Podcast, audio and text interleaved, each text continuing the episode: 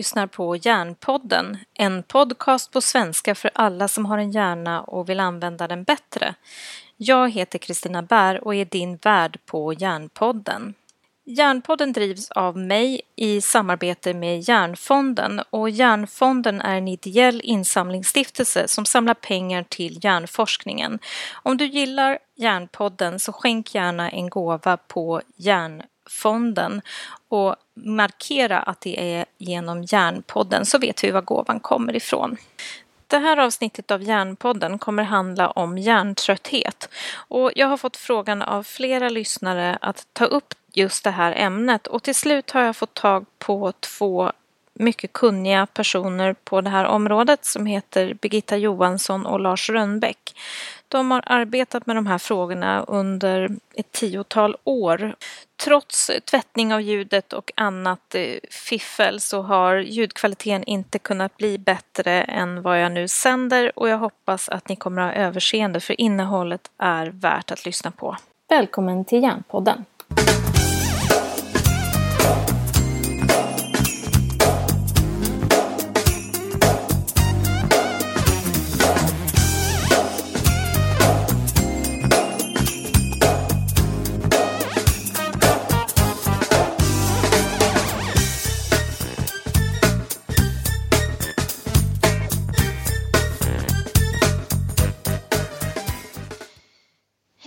Välkomna till Hjärnpodden. Idag ska jag prata om ett efterfrågat ämne, eh, nämligen hjärntrötthet. Och till min hjälp så har jag Birgitta Johansson och Lars Rönnbäck ifrån Göteborgs universitet med mig. Välkomna Lars och Birgitta. Ja, tack. Tack. Eh, berätta lite, vilka är ni och eh, var, vad gör ni på dagarna? Ja. Jag arbetar som neuropsykolog på en rehabiliteringsklinik där man har patienter som har fått en hjärnskada, en stroke eller någonting annat som drabbar hjärnan. Eh, och så ägnar jag mig också en del av forskning kring hjärntrötthet. Mm. Och hur länge har du hållit på med den här typen av verksamhet? Ja, kanske tio år ungefär. Mm. Mm. Hur kom det sig att du började intressera dig för det här? Jag arbetade på en rehabiliteringsklinik och så kom den ena patienten efter den andra beskrev att nu orkar jag inte läsa. Jag som har läst så mycket. Jag orkar inte umgås med vänner och familj. Och det upprepade sig den ena efter den andra och jag började fundera vad ska vi göra åt det här? Och jag träffade dem och det gick en tid och det hände inte så mycket. De, blev inte bättre och eh, började fundera på vad, vad ska man göra och så började jag leta. Sen hittade jag Lasse av en slump som, mm. som fanns i Göteborg mm. eh, som var intresserad av det här och, och så har vi kört på med det. Mm. Och då måste vi ju prata med Lars också. Vad, berätta, vem är du? Ja, Lars Rönnbäck heter jag. Jag är läkare här på neurologen på Sahlgrenska sjukhuset i Göteborg. Och, eh, som neurolog så träffar man ju på personer som har den här uttröttbarheten. Mitt intresse för det här kan jag säga, jag har jobbat här i hur många år som helst och eh, mitt intresse för det här med uttröttbarhet eller mental, mental trötthet det, det, det ligger långt tillbaks i tiden. Det var var ganska ung här på kliniken när jag träffade helt oberoende av varandra en ung kille och en ung tjej. Den ena killen läste till ingenjör och den andra killen, ja, tjejen läste till, till ekonom. Ehm, och då, den ena hade varit med om en skallskada, slagit i huvudet, en cykelolycka och den andra hade haft en hjärnhinneinflammation. Mm. Och de orkade inte, alltså var för sig, helt, helt olika, helt, helt var för sig, de orkade inte fullfölja sina studier. Mm. Och det var, det var ett, ett, eh, de orkade helt enkelt inte. De var precis lika begåvade och intelligenta som tidigare men orken sviktade. Mm. Och då, och då funderar jag lite grann på vad kan det här vara? Sen har jag ett förflutet, eller ja, inte bara förflutet, men jag är alltså cell, cellbiolog från början och eh, har jobbat en hel del med hjärnans eh, stödjeceller. Och jag börjar fundera lite grann på, kan det vara där problemet finns? Och då, sen är det på, på den vägen det är, det är så att säga. Mm. Men sen vill jag betona det då att det precis som, som, som Birgitta sa, att vi, vi, vi träffades väl för ungefär tio år sedan kanske, Birgitta och jag, och det är då som, som den här mer kliniska delen har tagit fart. Man, man, det går inte bara att ha en massa teorier och så, utan man måste också kunna testa teorierna rent praktiskt. Och, och det, det, har vi gjort tillsammans och gör tillsammans, Birgitta och jag. Mm. Mm. Så utifrån vad ni har sett, eh, vad är hjärntrötthet? Ja, vi kan väl fylla i lite och beskriva båda två, men vi har eh, vi har ju om man tänker att vi började med det här så började vi använda en skattningsskala och, och den var baserad på lång klinisk erfarenhet från forskare här på Göteborgs universitet, eller vid Sahlgrenska sjukhuset, där man hade samlat ihop vanliga symptom som människor som haft olika skador, problem med hjärnan och som beskrev det här. Och då började vi att använda den här skattningsskalan för att se, kunde det här beskriva vad de här människorna som inte orkade, kunde den här skattningsskalan beskriva problem och symptom de hade. Mm. Och utifrån det så i den här skattningsskalan så finns det ju de här centrala symptomen som vi har kommit fram till. Och det, det är det här att man tappar oproportionerligt mycket energi när man alltså gör väldigt enkla saker, man är uppmärksam, det är massa intryck och då tappar man energi och till slut så orkar man helt enkelt inte vara med och närvarande. Mm. Och samtidigt så tar det också väldigt lång tid att återhämta den här energin. Som heller inte är normalt. Att det går inte med en liten kort paus, fikapaus och sen vara igång igen. Utan det kan ju dröja lång tid innan man kommer tillbaks om man har kört slut på energin. Mm, så det kan dröja kanske något dygn eller sådär innan man har återhämtat sig? Ja, det kan ta ännu längre tid. tid ja. Mm. Om man har kört riktigt slut på sig och väldigt mycket besvär med det här. Mm. Så det är precis det, det, det som Birgitta säger, alltså problemet för de här personerna det är att orken, den mentala orken, den sviktar alltså över tid. Det har alltså ingenting med begåvning eller intelligens att göra utan det är alltså att orken sviktar över tid. Man orkar en kort stund. Man orkar, man kan gå och handla på, på något, något varuhus en kort stund men man orkar inte över tid därför att det är för mycket ljud och ljus och så som, som, man, där, där, som, som, som, som finns där. Och om man gör för mycket, då är det precis det som Birgitta säger, kommer återhämtningen att ta, ta lång tid. Och den kan ta, den kan ta till och med flera dygn. Det, det kan man bara säga. Jag vet inte om, om eh, du och lyssnarna känner till det här med en neuropsykologisk utredning som kanske tar en timme, en och en halv. Personen kan vara totalt slut i ett par dygn efteråt. Mm, Okej, okay. och det är ändå en testsituation som är ändå ganska riggad. Ja, det kan man säga. Och den, den pågår i ganska lugna, alltså en lugn miljö, men, men den, det är klart, den är ju ganska krävande. Men, men det är samma sak att gå, gå och handla i ett varuhus till exempel, eller det med, det med att läsa, Birgitta an, an, antyder det, att läsa, det kan, ju, det kan ju vara, vi alla vi tycker att läsa är, är inget märkvärdigt, men för hjärnan kan det ju vara väldigt jobbigt det här att koda av bokstäver, göra bokstäverna till ord, ord till meningar och sen det, det, man kallar för arbetsminne, att man kommer ihåg meningen en liten kort stund också. Allt det är jobbigt för hjärnan. Att åka spårvagn, åka buss, att, att överhuvudtaget färdas med, med bil också kan också vara jobbigt, jobbigt för, för, för hjärnan. Mm. Mm. Och det där, det där tänker jag är ju väldigt tydligt när man lär sig läsa att många barn som tränar på läsning och i synnerhet om man har dyslexi så är ju det väldigt, väldigt jobbigt.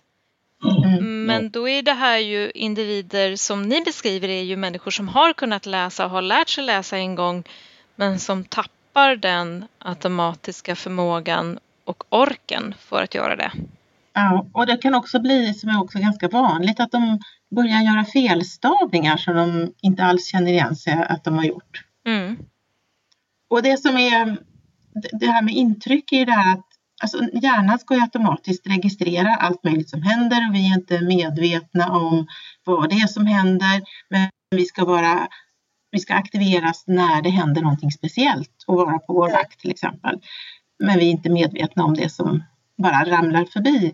Eh, vid hjärntrötthet så fungerar inte det här adekvat utan man på något sätt påminns om varendaste liten pinne ut med vägen. Alldeles nyligen så bara jag insåg att alltså vindrutetorkarna de var på när man åkte bil var jättejobbigt.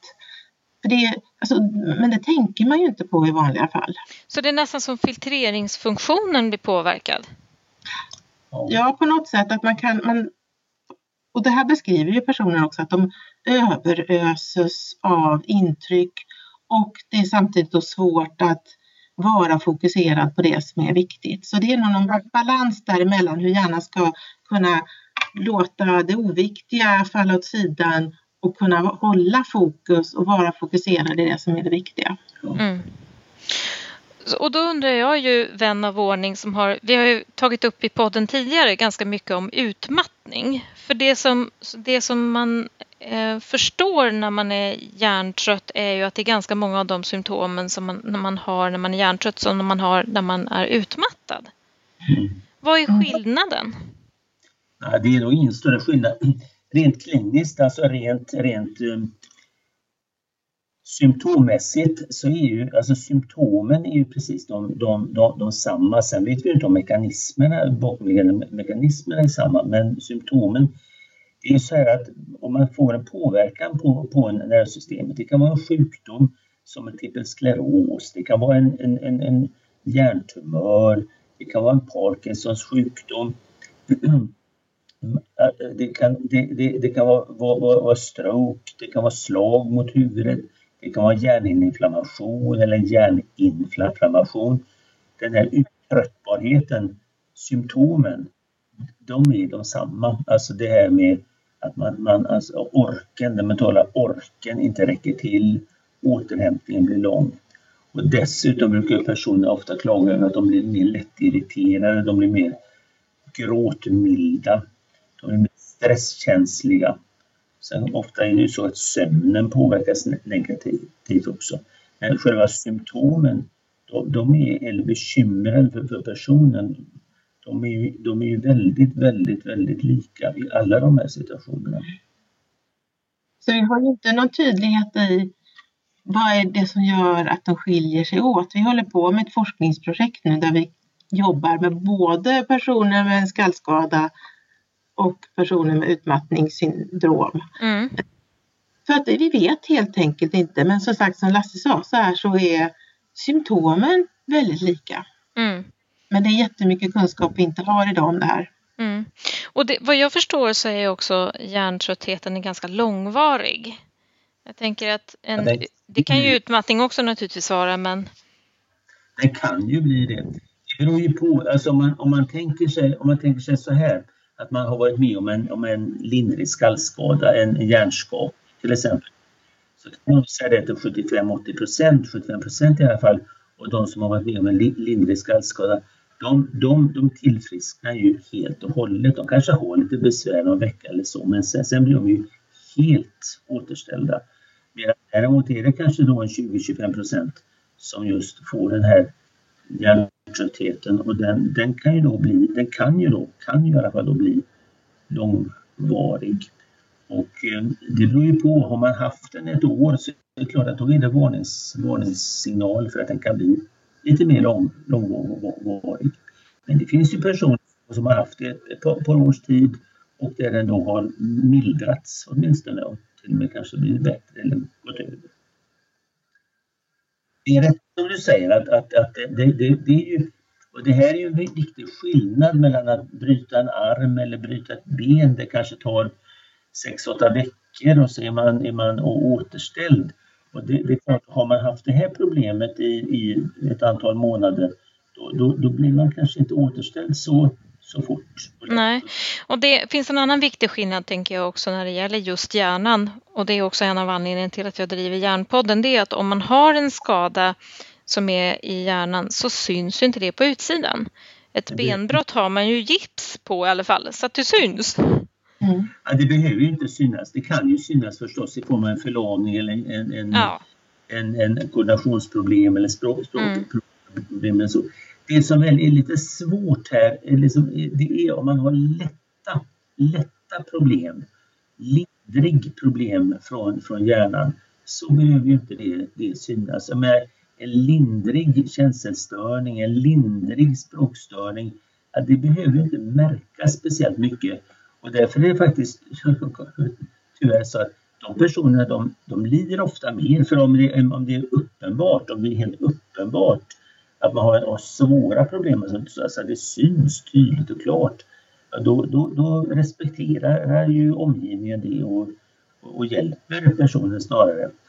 Lindriga, mycket lindriga problem däremot så förstår ju inte omgivningen riktigt och då kan personen komma i kläm ordentligt. Mm. Och då i synnerhet tänker jag om man nu har varit med om någon skada eller en hjärnblödning eller någonting sånt där som gör att man har låg uthållighet efteråt. Mm. Eh, ja. Och då ändå förväntas jobba och det blir en rastlöshet ifrån omgivningen att varför jobbar du inte för och det ser ju, du ser ut att vara återställd.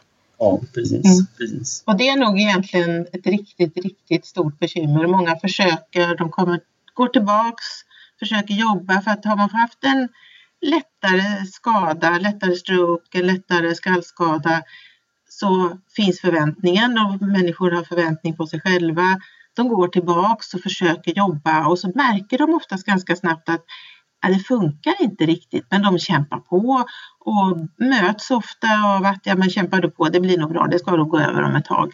Och så kämpar de och kämpar och så till slut så vet de inte riktigt var de ska ta vägen.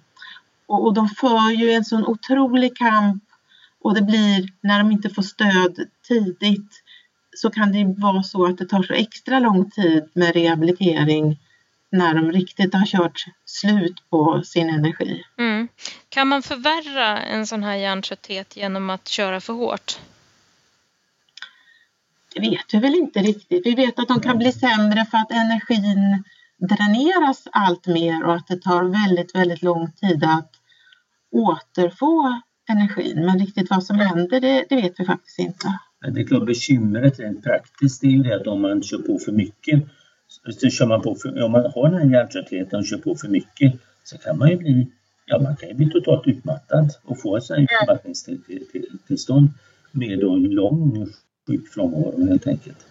Sen ska vi inte glömma, ni pratar om det här, vi pratar om arbete och det är jätteviktigt men vi ska inte glömma att vardagen kan ju vara lika, för hjärnan kan ju vardagen vara lika, lika, lika, lika, lika mycket intryck, lika mycket att behandla för hjärnan jag tänker på det som, det som vi, de flesta av oss tycker är trevligt, gå på bio, äta middag med, med, med vänner och så. Det, det, det, är ju för hjärnan ganska jobbigt. Så att de här personerna de, de, de undviker kanske till och med det eller, eller i alla fall minskar på sociala aktiviteter också. För, för, för att, att de orkar, de orkar inte. Viljan finns men de orkar Precis, inte. viljan finns. Så de är inte lata på något det är vis? Definitivt inte. Det här är frågan, och det, jag tror man ska betona att det här är ju för det mesta då väldigt, väldigt ambitiösa personer. Och, och de, de vill, precis som Birgitta säger, viljan finns det och det är inte där, det är inte där felet är. Och det är inte det att de inte kan utan det är att de inte orkar. Mm. Har man tolerans för den här bristen på ork i eh, vården? Liksom, kan man fånga de här personerna eller blir de missförstådda? I er upplevelse? Alltså vi har ju, det finns ju ingen speciell mottagning, att med självklarhet kan man komma till någon plats eh, där man kan få hjälp, utan det är nog lite slumpartat, speciellt om man har haft lättare skador. Mm. Och, nej, alltså det, vi, vi tänker så här om oss människor att vi är så duktiga på att tänka abstrakt och förstå Men det är vi inte. Vi är väldigt konkreta. Det vi ser, det tar vi till oss och det vi inte ser, det har vi jättesvårt att riktigt fatta. Så att man behöver verkligen få den här, aha, det är så här det är när det gäller hjärntrötthet. Och har man inte fattat det så är, är det svårt. Sen har vi ju ett bekymmer och det är just det här att det, det som vi kan diagnostisera, det vi kan sätta tummen på, å ena sidan och behandla, det, det, är vi ju väldigt, det är vi väldigt måna om att ta hand om och så där vidare. Det här tillståndet det har vi ju idag inte tillräcklig kunskap om. Alltså vi, vi har inte de skarpa diagnostiska instrumenten, vi har inte den skarpa behandlingen. Och det är klart, då blir det väldigt lätt så att då, då, då, då tycker man att de här personerna, de är kanske ganska jobbiga. Man, man vill inte, man, man kan man klarar inte av dem, de, de helt enkelt. Och det blir väldigt tråkigt för att eh, de, de lider ju. De här personerna lider ju. Det, jag tror inte man ska skylla på någon annan, man ska inte skylla på personen själv, att de är lata som inte, alltså de, de är inte det, precis som, som Birgitta sa, de är inte det minsta lata, tvärtom, tvärtom, tvärtom. Och det, man, och sen, sen, man, man, får inte skylla på någon annan, skylla på Försäkringskassan, skylla på försäkringsbolagen. Det är helt fel för att det, det är alltså så att vården, vården vi, vi skulle egentligen behöva ha mer kunskap om det här tillståndet. Det som Birgitta och jag försöker jobba med, att skaffa oss mer kunskap. Vad, vad, vad, är det här för tillstånd? Vad, vad kommer det sig egentligen? Mm. Och det tänker jag även med utmattningssyndromet från början att det var ju också någonting som var ganska missförstått. Man tänkte att det var ja. människor som inte ville ja. jobba och det var en massa fördomar om det där. Sen ja. har ju det där gått helt överstyr i samhället om man har börjat koppla ihop det med, med ja, organisationsfrågor och sådär. Men innan man har fått kunskap så är det ju väldigt lätt att eh, döma mm. och eh, att det går fel. Och Kritisera det, individen liksom. Och det är helt fel. Alltså det, när, när, när det, det, gäller det här tillståndet, den här mentala tröttheten eller uttröttbarheten så är det totalt fel att kritisera individen. Och det är fel att kritisera samhället också. Alltså det, mm. Vi behöver mer kunskap om vad det här är för någonting, vad det handlar om. Det här är ett väldigt abstrakt fenomen mm. som är svårt, precis som Birgitta alltså är väldigt svårt att ta till oss om man brutit en arm eller en ben, man, man ser det. Det här ser man inte för de här personerna, de ser ut som vem som helst av oss. Mm, precis. Och har ni fått någon klarhet i vad det kan finnas för mekanismer som gör att eh, hjärnan liksom packar ihop delvis? Ja, nej det har vi väl inte egentligen. Men vi har väl inte några, några eh, alltså några, vad man, vad man, så säga, vad man vet det är ju att när hjärnan blir utsatt för antingen för en skada, till exempel en stroke eller en skallskada eller multipel skleros eller Parkinson eller eller när hjärnan blir utsatt för, för stress, och då talar jag om stress, alltså betydande stress under lång tid, mm. så, så, så, så, uppkommer en, en inflammation i nervsystemet. Man talar om en neuroinflammation. Och den så kallade blod-hjärnbarriären, det, det är en barriär som, som skiljer, skiljer blodet och hjärnan åt. Den öppnar sig lite, lite, lite, lite grann. Och det, det, det, det, det är sannolikt inom, inom de här domänerna som man ska leta vidare så, så att säga. För att mm. det, det då, då, är, då, då, kan man ju förstås tänka sig, men det blir bara en ren tanke, att det finns då personer där, där den här den kanske inte stänger sig fullt ut och efter en skada. För man kan vi sa nyss då att kanske 80 procent, 75 procent, 80 procent eh, av personer som drabbas av en lindrig skallskada, de blir helt återställda. Medan 20-25 procent får de här besvären mer eller mindre. Och då undrar man förstås, har de någon sårbarhet innan? Det kanske är så att de har, de har en minskad tendens att stänga igen blod-hjärnbarriären efter skadan, till exempel, om vi nu bara tar det som exempel. Det är bara en tanke men, men, men, men det, det är sannolikt i de domäner, alltså, åt det hållet man ska jobba vidare för att försöka förstå vad, vad det här handlar om. För det är precis som du sa själv på, tidigare här att filterfunktionen i hjärnan fungerar inte fullt ut. Och det, det är alltså någon, någon Hjärnan bombarderas ju med, med intryck men hjärnan har ju en förmåga att, att, att normalt då, att, att, sortera vad, vad som är nytt och vad som är viktigt och sortera bort det som är eh, gammalt det som är mindre viktigt. Och den funktionen verkar på något sätt ha, ha, ha, ha kommit av sig så att mm, säga. Ja, just det. Och jag tror jag brukar säga det när jag är ute och pratar eh, på föreläsningar och sånt där så brukar man säga att, det är ungefär 10 miljoner bitar som når hjärnan per sekund. Mm. Eh, informationsbitar. Och vi, vi brukar kunna hantera om vi är helt friska ungefär 40. Det vill säga filterfunktionen tar ju bort nästan allt. Precis, mm. exakt, exakt, Men om man har en, då till exempel en ADHD som de flesta börjar ändå bli ganska bekanta med, då kanske man har 60 bitar att hantera, 50 procent mer. Vilket gör påtagligt med problem för att man ska kunna koncentrera sig.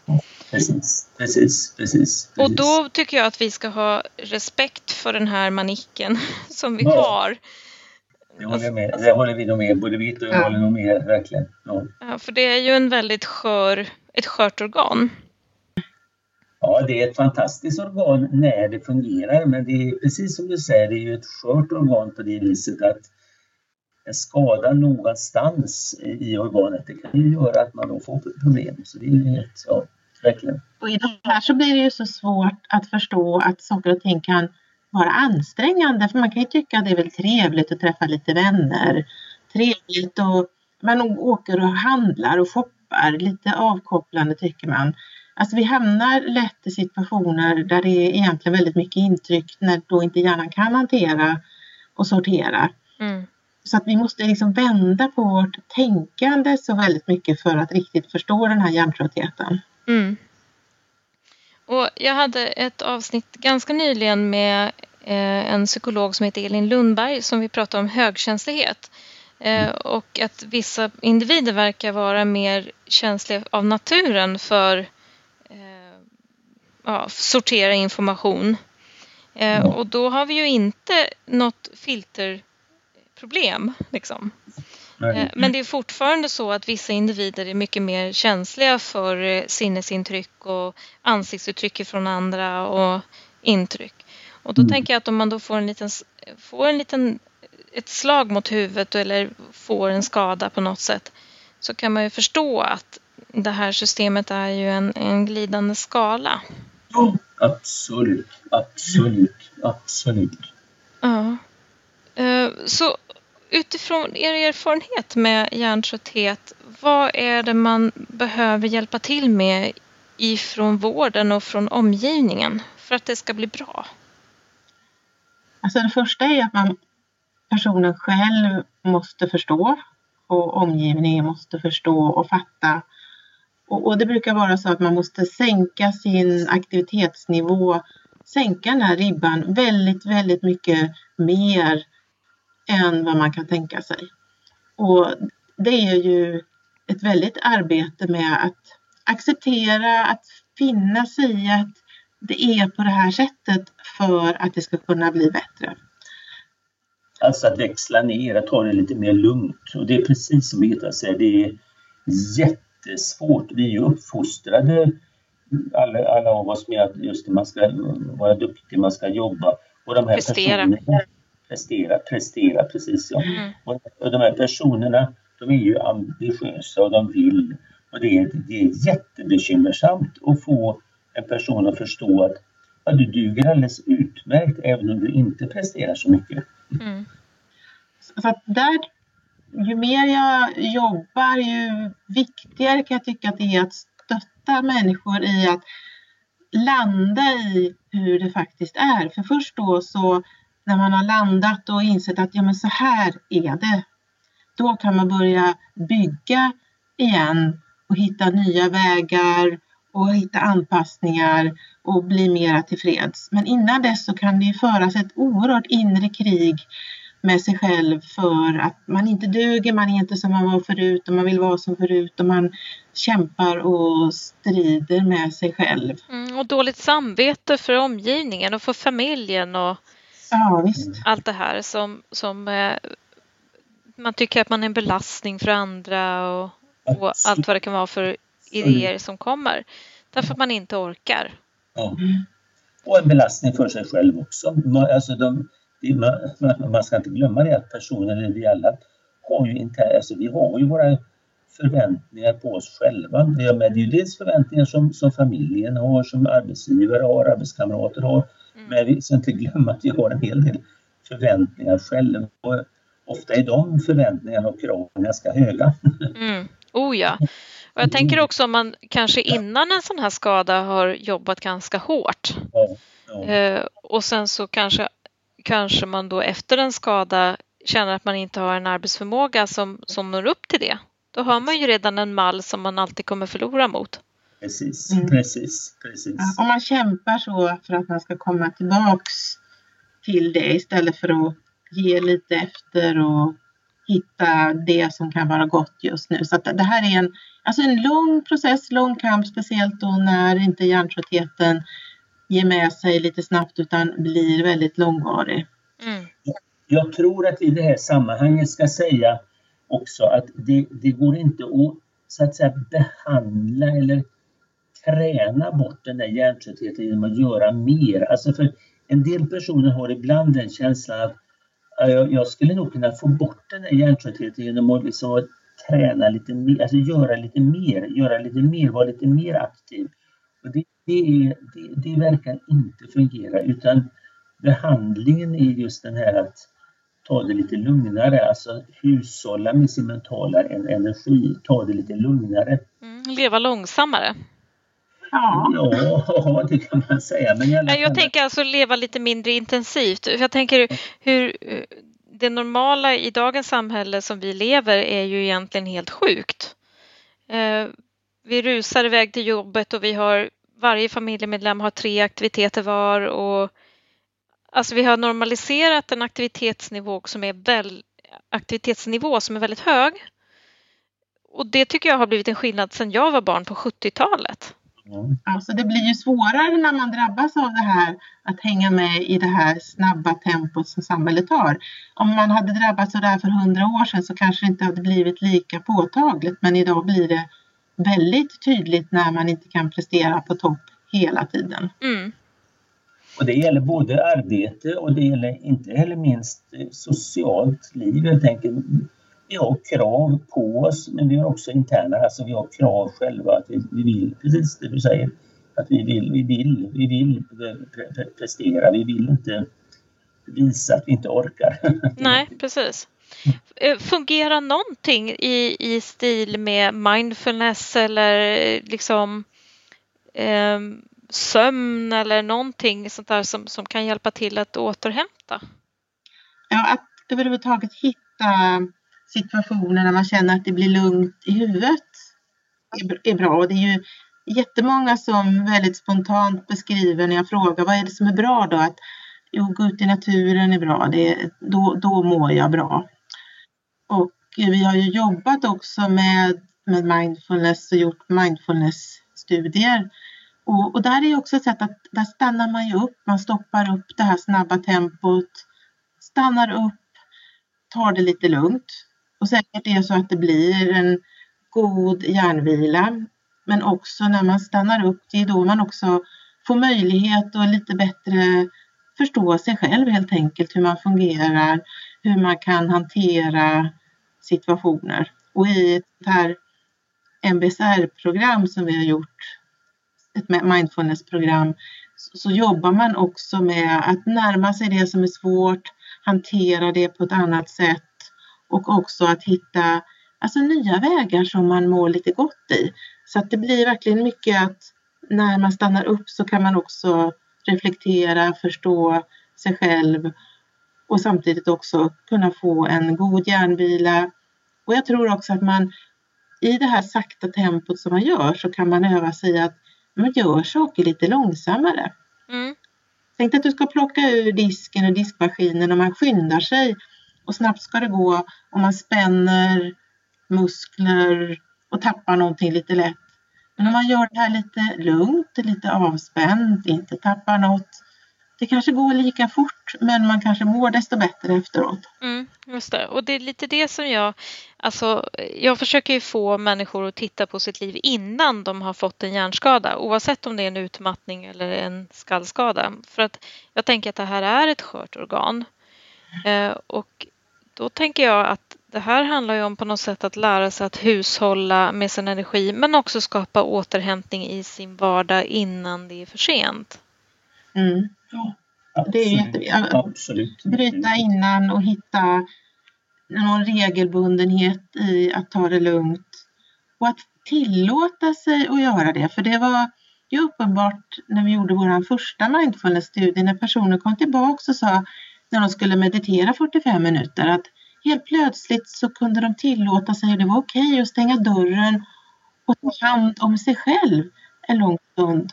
Här, man duger ju inte till om man inte har gjort någonting. Nej. Även om man är hemma och sjukskriven på något sätt så det, det måste innehålla någonting och vi kan Ja. inte säga att jag inte har gjort någonting för det har vi ju egentligen. Mm, och det är intressant tycker jag hur, hur vår kultur har liksom premierat att det ska göras någonting hela tiden. Eh, även på semestern så ska man göra massa saker. Mm. Det är fascinerande tycker jag. Ja, ja, ja. Att göra ingenting är ju extremt skönt, det gillar jag. Jag tycker det är jättehärligt att ligga och titta på molnen. Liksom. Mm. Det är jätteskönt. Men det är väldigt sällan som, som folk erkänner att de tycker det är skönt för då är man ju onyttig. Ja, gud så mycket krav vi har. Man ska ha sin mobil igång hela tiden. Mm. Precis. Och det, det här är ju verkligen, jag tänker ju att det här är ju en, en eh, lobbyverksamhet vi måste hjälpas åt att göra för att vi ska på något sätt sänka kraven och sänka tempot så att vi också kan bevara vår hjärnkapacitet livet ut. Mm. Ja, för det är ju uppenbart. Sen är... Ja, ja, ja, nej, ja, nej, det håller ju inte om man att pressa på även när man är frisk så, så håller ju inte det. Man mår inte så särskilt gott när man är lite stressad. Man blir mera lättirriterad och kan inte vara lika nöjd och tillfreds med hur man har det i sitt liv. Nej, vilket inte är så konstigt men det är eh, svårt liksom att få eh, jag tror man måste börja med sig själv och bestämma sig själv för att nu tänker jag göra så här. Sen är det möjligen, möjligen om man bara får säga, så är det, det är inte så helt lätt det här för att många, många personer är ju väldigt ambitiösa och vill, de vill, de vill. Och känner man sig då något sånär frisk, alltså antingen om man då, ja, antingen om man är fullt frisk och kör på för fullt eller om man har den här hjärntröttheten och så har man en dag eller en period där man känner sig lite bättre så gör man lite mer. Man gör lite mer. Och jag tror det är väldigt, väldigt mänskligt för det är ju många människor. Man skulle tycka det att om man har den här hjärntröttheten så skulle man ju kunna tycka att då, varför inte ta det lite lugnt rent allmänt och så samla på sig energi så man har lite reservenergi. Men många av de här personerna gör ju, ju inte det. Då kan man fråga sig varför, varför, varför då? Varför gör de inte det? Och det, jag tror det är väldigt enkelt. Känner man, känner, de, känner man sig lite piggare, ja då gör man lite mer och då tar man igen allt det man har förlorat de dagar och de tid som man då inte har. Så att det här är, det här är komplext. Men alltså teoretiskt så är det ni har sagt här, det är ju jätteriktigt, jätteriktigt. Men praktiken är inte riktigt, riktigt, riktigt lika enkelt. Nej, och sen tänker jag om man, om man liksom har avstått från att vara social medan de andra har gjort någonting och så orkar man Ja, en dag. Ja. så, så Man hoppar är- man på. Ja, precis, Ja. exakt. Det gör man, det gör man, det gör man. För det är ju sådär om man har besvär med hjärntröttheten att man måste ju också få tillåta sig att göra saker som man blir glad av och som man tycker är roligt. Mm. Det är ju det allra viktigaste egentligen och inte plocka bort det för att det, det är viktigt det här att kunna hålla modet uppe, ha ett så gott humör som möjligt så att man inte liksom pressar på där och hamnar i någon djup depression som ju faktiskt det finns en risk för. Mm. Just det. Inte helt eh, ovanligt ju efter att man har tappat en funktion och tappat någonting som man hade förr. Oavsett vad det är för någonting så är det ju lätt att, att bli deprimerad i det läget. Mm. Eh, finns det någonting som ni känner eh, att vi behöver skicka med våra lyssnare Eh, för jag tänker att vi har ju lyssnare som är privatpersoner, kanske som själv har hjärntrötthet eller någon anhörig som har hjärntrötthet eller folk i vården som möter människor med symptom som kan vara hjärntrötthet. Finns det någonting som ni tycker att man behöver känna till som är basalt? Man bör ju veta om, alltså det, det här är inget lätt problem. Det här är ju väldigt abstrakt, så det, det här är inget lätt. Så här, här behövs det definitivt mer kunskap. Men det det, hand, det det, handlar om det är ju att, att försöka leva sig in i och förstå att de här personerna de är, de är som sagt de är lika intelligenta och begåvade och hela det köret. De är ambitiösa men, men orken, orken räcker inte till. Och det gör att de, de klarar ju, de kan ju göra allt. De kan ju göra allt. De kan ju gå och handla eh, på, på shoppingcenter och så. Men det går inte över tid. Så man är ödmjuk för, för att det inte fungerar över tid. De är inte det minsta lata. Det, det är inte det det handlar om utan, utan det är orken som, som de siktar. Det, man, så det, det, det är viktigt att, att vi andra då så att säga förstår att, att, att de, de inte orkar. Sen är det då för personer, personerna själva så är det just det här som vi brukar tala om att försöka hushålla med sin mentala e- energi det där är ingen lätt grej för att det, det, det, går väldigt bra att sitta bakom ett skrivbord och säga det nu får du hushålla med din mentala energi. Men att säga det till en person som är ambitiös det, det, det, det blir mer bara ord alltså. Så att det, men det är ju egentligen det det handlar om, att man ska försöka så långt det går och skapa strategier så att man inte förtar sig. Ja, jag, jag håller med fullt så. Det här att verkligen liksom, komma till freds med sig själv att det är så här, det är ju jätteviktigt. Och sen också att verkligen omgivningen, att om man undrar, fråga, var nyfiken, försök att förstå. Och så får man ju tänka så här att om man pratar om hjärntrötthet, alla blir ju trötta ibland. Och verkligen förstå att det, det är inte samma trötthet. För det är väldigt lätt att klappa någon på axeln och säga ja, ja, men alltså jag är snart jättetrött här nu för att nu är det kväll eller nu har jag jobbat länge och nu är snart semester och jag är också trött. Men när vi använder de här frågorna som finns i skattningsskalan då är det liksom milsvida skillnader. Det, det är verkligen något helt annat som är så jättesvårt att förstå. Så att eh, vara ödmjuk och lyssna och verkligen liksom försöka tillåta sig att det är okej okay att göra så här lite. Det är okej, okay, alltså det är okej okay att vara trött. Mm. Man kan få tillåta sig det. Just det. Och jag tänker också en, en eh, accept på att det kanske är okej att jobba 50 procent för att ha lite energi kvar till sin familj. Mm. Så att man orkar att få vara med sin familj. Som neurolog som neurolog så säger man ju alltid det att först och främst så gäller det att kunna ha en bra social situation. Och när den sociala situationen fungerar, då kan man tänka på arbete. I samhället i övrigt är det lite tvärtom. Va? Jag vi är uppfostrade så att det är jobbet som, som gäller först och främst. Va? Och, det, och det, är väl, det må ju vara, men, men det är klart, om de här personerna, om de sliter ut sig, sig på jobbet, ja då har de inget kvar sen. Då har de inget liv utan då, ja, förr eller senare går de ofta i väggen också. Så, så, så, så att det, det, det, det blir liksom en lite tvärtom situation med, med de, de, de, de här personerna. Att de måste klara sin sociala situation först och sen att de då eh, ja, precis, och, och kan, kan, kan jobba. Sen bara en liten, liten detalj här och det är, det är precis det Birgitta var inne på också med, med trött. Alltså trött trött. Det, jag, jag, jag vill inte säga jätteförtjust i ordet hjärntrött, men för problemet med om vi använder svenska ordet trött, är att många tror att jaha, men det kan man väl bara vila lite grann. Men det här med den här hjärntröttheten, den här mentala tröttheten eller uttröttbarheten, alltså det vi talar om nu här, det är ju ingen, det är ingen trötthet som man liksom kan sova sig fri, fri från, utan den, den finns där och den finns där jämt. Personerna upplever ju koncentrationsproblem, problem med uppmärksamheten, problem med, med, med en slags hjärndimma som, som finns där hela tiden.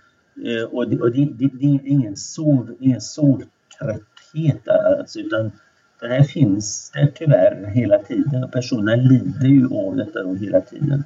Mm. Just det, och det där är jätteviktigt att du säger det för det är en helt annan kvalitet eller helt annan nivå på... Annan nivå, helt annan nivå, ja. helt annan kvalitet än att man har varit uppe lite, lite länge på kvällen innan och så är man lite trött det. På. Alltså det är inte det det här handlar om. Nej. Det, det, det är viktigt. Det är mm. viktigt. Mm. Bra, då tror jag att vi har ringat in det så att man kan ha en lite större förståelse när man möter det här hos sina nära och kära och kanske själv också är eh, drabbad. Det låter gott. Det låter gott. Mm. Kunskap om detta, det behövs. Ja. Kunskapsspridning, det är jättebra. Absolut. Eh, tusen tack Lars och Birgitta för att ni har velat vara med i podden.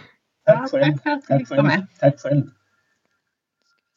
Du har lyssnat på det 66 avsnittet av Järnpodden och intervjun var med Birgitta Johansson och Lars Rönnbäck från Salgrenska universitetssjukhuset i Göteborg. Vill du ha kontakt med mig efter avsnittet så är det lättast att mejla till kontakt jarnpodden.se och som vanligt lägger jag ut lite information på hemsidan exist.se under Järnpodden eh, som rör avsnittet. Vill du ha nyhetsbrev ifrån mig på exist.se så anmäler du dig till det även på hemsidan. I nyhetsbrevet skriver jag om eh, olika saker som rör hjärnan, ledarskap och lärande och försöker på något sätt sprida mer information och ge lite reflektion från mitt eget perspektiv eh, vad jag tycker man behöver ta hänsyn till för att få bättre användning av sin hjärna. Vi hörs snart igen i Hjärnpodden.